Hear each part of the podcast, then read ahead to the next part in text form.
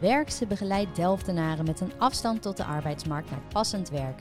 Dat doen we elke dag, al ruim 90 jaar, omdat we ervan overtuigd zijn dat een baan het verschil maakt.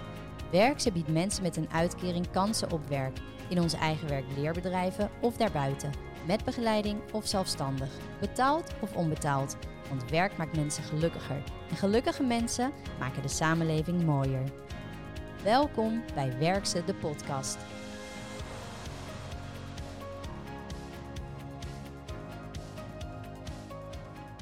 Het einde van het jaar 2021 is alweer in zicht en daarom ga ik in deze aflevering in gesprek met Cor van der Wel. We kijken terug op het afgelopen jaar en we werpen een blik in de toekomst, waarin we het gaan hebben over de doelen van Werkse in 2022. Hi Cor. Goeiedag. Goeiedag. Kun je mij vertellen wat 2021 voor een jaar was? Nou, net als voor iedereen denk ik een heel bijzonder jaar. Ja. Kijk, het naar werk in ieder geval de afgelopen jaren. Ja, we hadden 2020 natuurlijk al meegemaakt qua ervaring met corona. Dus wat dat betreft eh, liep gelukkig 2021 wel rustig door, zeg ik er maar eventjes. We Ja. waren redelijk gezetteld op corona, wat op dat moment aan de orde was. Maar ja, nu terugkijken, het was natuurlijk wel een bijzonder jaar. Uh, kijken naar wat we allemaal gerealiseerd hebben, Ja. vind ik het nog steeds ongelooflijk knap. En dat is niet omdat ik het... Nou, ik ben toevallig directeur van Werkse, maar ik ben oprecht trots op eh, onze mensen in ieder geval. Als je kijkt wat we gepresteerd hebben op het gebied van nog steeds uitstroom. Dus mensen aan een baan helpen in die lastige tijd. Terwijl bedrijven natuurlijk nog steeds best wel terughoudend waren. Ja. Uh, en tegelijkertijd kijk naar de financiële cijfers. Dus het werk wat wij gewoon doen, de productiewerkzaamheden. Het groen, de schoonmaak, productie, assemblage, noem het allemaal op. Ja, dan vind ik het echt verbazingwekkend hoe goed we eigenlijk door de coronajaar 2021 gelopen zijn. Zeg maar. Ja, ja. Waarom zijn die werkgevers en opdrachtgevers zo belangrijk? Ja, naast de, kandidaten die wij bedienen, is natuurlijk de werkgevers en de opdrachtgevers van ons zijn ja, super belangrijk, kan niet anders zeggen.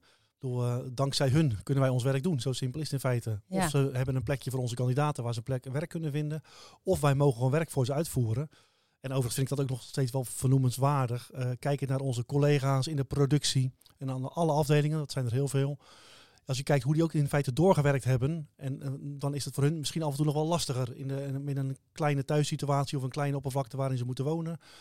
En uh, als je kijkt wat zij gedaan hebben, hoe ze hard ge ze gewerkt hebben en doorgewerkt hebben. En wat ik al zei, het ziekteverzuim wat zelfs afneemt. Ja. ja, vind ik ook onze collega's zeg maar daar uh, echt een complimenten uh, zijn ze zeker waard. Maar die werkgevers, ja, wij hebben heel veel mensen in dienst. En, uh, 600 man voor het gemak eventjes rond zeg maar, de sociale werkvoorziening. Ja, die moeten elke dag gewoon werken. Ja. En daar hebben wij opdrachtgevers voor nodig. Dus ja, gelukkig hebben wij heel veel opdrachtgevers die ons dat werk ook werkelijk gunnen. Ja. Om dat te kunnen doen. En dat is dan in alle facetten, hè, dus in dat groen, schoonmaak, verpakken, assemblage, uh, post, uh, catering, dat ga ik ze allemaal noemen, mag natuurlijk niemand vergeten. nee. Digitalisering onder andere. Uh, ja, het, heel blij dat die mensen ook ons die opdracht hebben gegeven. En dat was vaak voor die opdrachtgevers ook niet makkelijk. Nee. Want die hadden ook te maken met corona, die hadden ook te maken met een brexit, die hadden te maken met een of andere boot die ergens in een kanaal een beetje over het was lag. En toch uh, ja, hebben wij eigenlijk overal door kunnen werken, mede dankzij zeg maar, ook de flexibiliteit van onze opdrachtgevers en werkgevers. Dus ja, ook daar, uh, als ze dit zouden horen, dan zou ik ook hun heel hartelijk daarvoor willen bedanken. Dat ze ons die kans gegeven hebben en dat we ook onze mensen dus gewoon hebben kunnen laten werken. En we per saldo ook gewoon goede cijfers dus gedraaid hebben.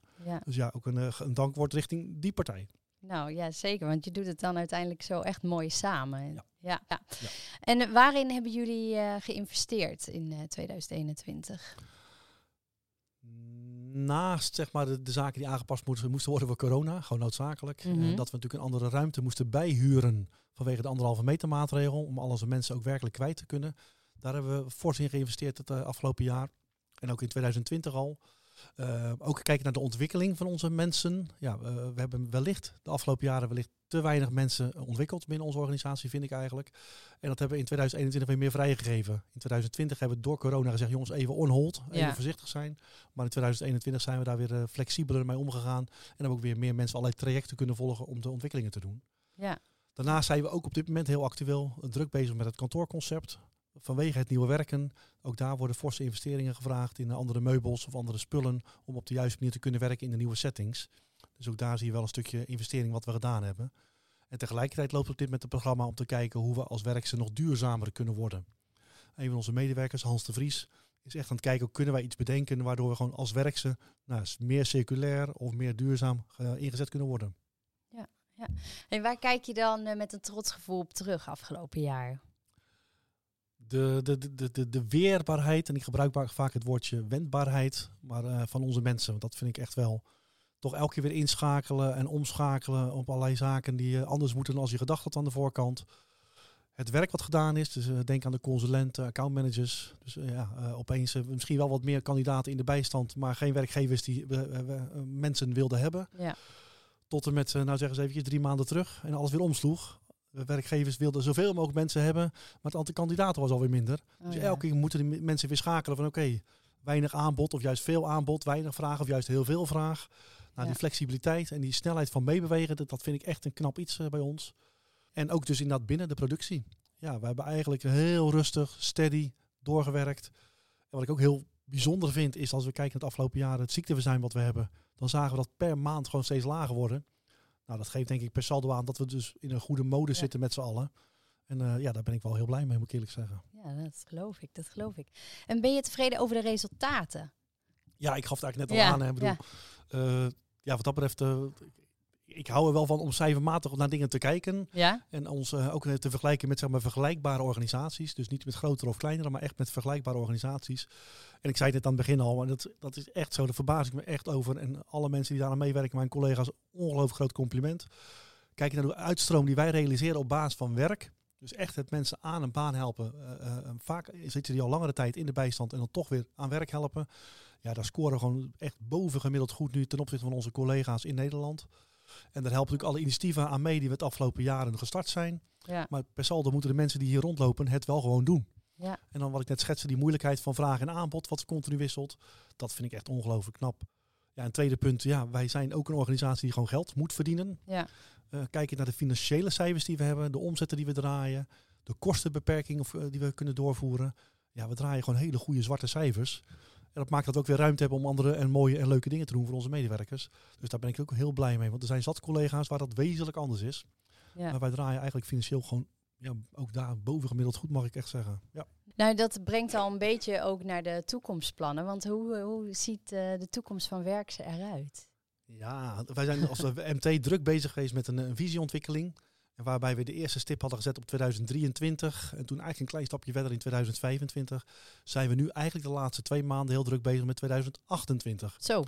En ja, ik realiseer me dat is echt nog een heel eind weg. Ja. Maar misschien even toelichten waarom. Uh, ja, wij hebben te maken met de, de sociale werkvoorziening.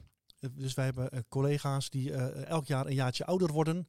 En aan de onderkant hebben we eigenlijk geen instroom. Sinds de participatiewet 1 januari 2015 is er geen instroom meer vanuit de sociale werkvoorziening. Dus eigenlijk wordt ons medewerkersbestand elk jaar een jaartje ouder. En gaat dus op enig moment met pensioen. Of mogelijk in een via of een ziekte, ziektewet. Uh, of soms uh, overlijdt.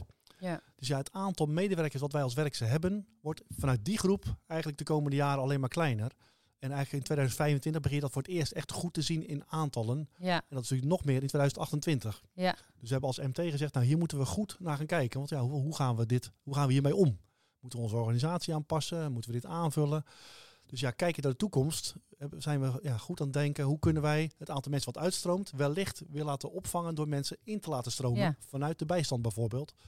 Waardoor we of op hetzelfde niveau blijven qua aantal mensen. Misschien krimpen we wel wat. Maar dat we wel zeg maar, de dienst die wij leveren aan deze mensen. Waar ook heel veel behoefte aan is. En die mensen worden ook nog elke dag geboren. Ja. ja die kunnen bij ons een rol vervullen. Daar kunnen wij perfect mee omgaan. Ja, daar willen we de optimale organisatie en zeg maar, faciliteiten voor creëren. Nou, dat is hetgeen waar we nu heel druk mee bezig zijn om dat goed te bedenken. Hoe moeilijk is dat om zeven jaar verder te denken? Ja, dat vonden wij als MT ook echt lastig inderdaad. Ja. Uh, uh, ik heb geprobeerd met, samen met mijn MT, jongens, veeg je hoofd letterlijk leeg. Doe alsof het nu 1 januari 2025 is. Dan is werk ze nog, als we niks zouden doen, deze omvang, deze grootte, deze activiteiten. En probeer dan eens even te filosoferen en te dromen waar we op afgaan.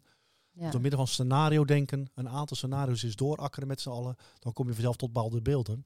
En het gaat er niet om dat je een exacte stip hebt staan voor 2028, maar wel dat we met z'n allen al nadenken over nou ja, wat zijn mogelijkheden, hoe kunnen we daarop ingaan. Ja. Kijk, voor de iets dichter, dichterbij qua toekomst hebben we gezegd, het is zonder meer erg belangrijk om te gaan werken aan het ontwikkelen van mensen. Ik bracht het net al eventjes uh, naar voren, maar uh, mensen in de bijstand, uh, kandidaten, ja, uh, hoe goed we ook ons best doen, en gelukkig lukt het heel goed, maar vaak komen die mensen toch na enkele jaren weer terug bij ons, omdat ze toch op een moment hun contract wordt niet verlengd of ze stoppen weer ergens en ze stromen weer in in de bijstand. ja, de, de maatschappij vraagt steeds weer om nieuwere vaardigheden, nieuwere competenties, nieuwe vakken. Dus wij hebben gezegd, we moeten sowieso de kandidaten, maar ook onze eigen medewerkers en ook onze nieuwe medewerkers vanuit ontwikkelbanen of nieuw beschut optimaal gaan ontwikkelen, zodat ze steeds zeg maar, van waarde blijven voor de maatschappij of voor ons of wat dan ook. Ja. Dus dat ontwikkelen van mensen, dat wordt echt een strategisch thema binnen Werkse. En wij noemen dat nu eigenlijk de vierde pijler. Dus we hadden uh, drie pijlers. We hadden Ja. de reintegratie, Ja. we hadden het werkgeversservicepunt en de sociale werkvoorziening. En daar komt dus nu echt een, ja, een eh, innovatie- en ontwikkelpijler bij. Zijn er ook nog verbeterpunten in eh, 2022? Ja, Werkse zou Werkse niet zijn volgens mij als we niet eh, continu verbeteren. Ook volgens de Lean-strategie die we natuurlijk al jaren volgen. Eh, eigenlijk zijn op dit moment twee trajecten waar we daar heel concreet mee bezig zijn. Dat is zowel zeg maar, de, de, de, de werkgevers- en opdrachtgeversreis die we onderzocht hebben, de Customer Journey. Ja. Hoe kunnen we onze werkgevers en opdrachtgevers eh, zeg maar, nog beter van dienst zijn en helpen om plekken te vinden voor onze mensen vanuit de bijstand? Dat is één. En tegelijkertijd ook gewoon de kandidaatreis. Dus mensen in de bijstand, hoe kunnen wij die nog optimaal zeg maar, faciliteren? Er zijn onderzoeken voor gedaan, zijn adviezen gegeven. En eh, nu proberen we dat zeg maar, uit te rollen en dat zal in 2022 werkelijk eh, invoering moeten krijgen. Mooi. Kun je een aantal doelen benoemen die je in 2022 zou willen uitvoeren? Jazeker. Ehm nou, wat sowieso belangrijk is, we hebben natuurlijk eigenlijk in 2021 al een paar projecten gestart. Waarin wij groepsgewijs mensen naar de arbeidsmarkt brengen. Ik noemde al even Zorghub, hartstikke mooi. Maar ondertussen zijn we een project gestart zeg maar, voor Webhelp, zeg maar, voor het eh, callcenter medewerker. We zijn een project gestart voor assistent zonnepanelenmonteurs. En dat zou ik zeker in 2022 willen doortrekken. Dus echt groepsgewijs proberen mensen aan een baan te helpen. En niet per stuk. Dat doen we ook nog steeds, is ook noodzakelijk. Maar tegelijkertijd kijken of we zeg maar, versnelling kunnen vinden in die groepsgewijze aanpak. Dus dat is echt wel een van de doelen voor 2022. Zoals gezegd, het ontwikkelen van mensen vind ik echt een strategisch doel, ook voor 2022 al. En ook voor onze eigen medewerkers. Waar we daar de afgelopen jaren vind ik iets te weinig aandacht hebben aan besteed. Dat kunnen we nu zeg maar in 2022 ook concreet oppakken. Ander punt, belangrijk voor werkse, is de individuele detachering. Dus mensen vanuit de sociale werkvoorziening die ergens eh, gedetacheerd zijn bij een bedrijf. Ja, dat, ook daar worden mensen ouder. De Ja. mensen stromen daaruit. Maar het is wel een hele belangrijke eh, financiële inkomstenbron voor werkse. Dus in 2022 willen we ook kijken of we toch niet nog weer mensen kunnen vinden vanuit de sociale werkvoorziening. Die kunnen eh, overgeplaatst kunnen worden naar een individuele detachering. En mooie resultaten in 2021, mooi werk en weer mooie doelen voor 2022. Ik wil jullie heel veel succes wensen voor het komende jaar. Dankjewel.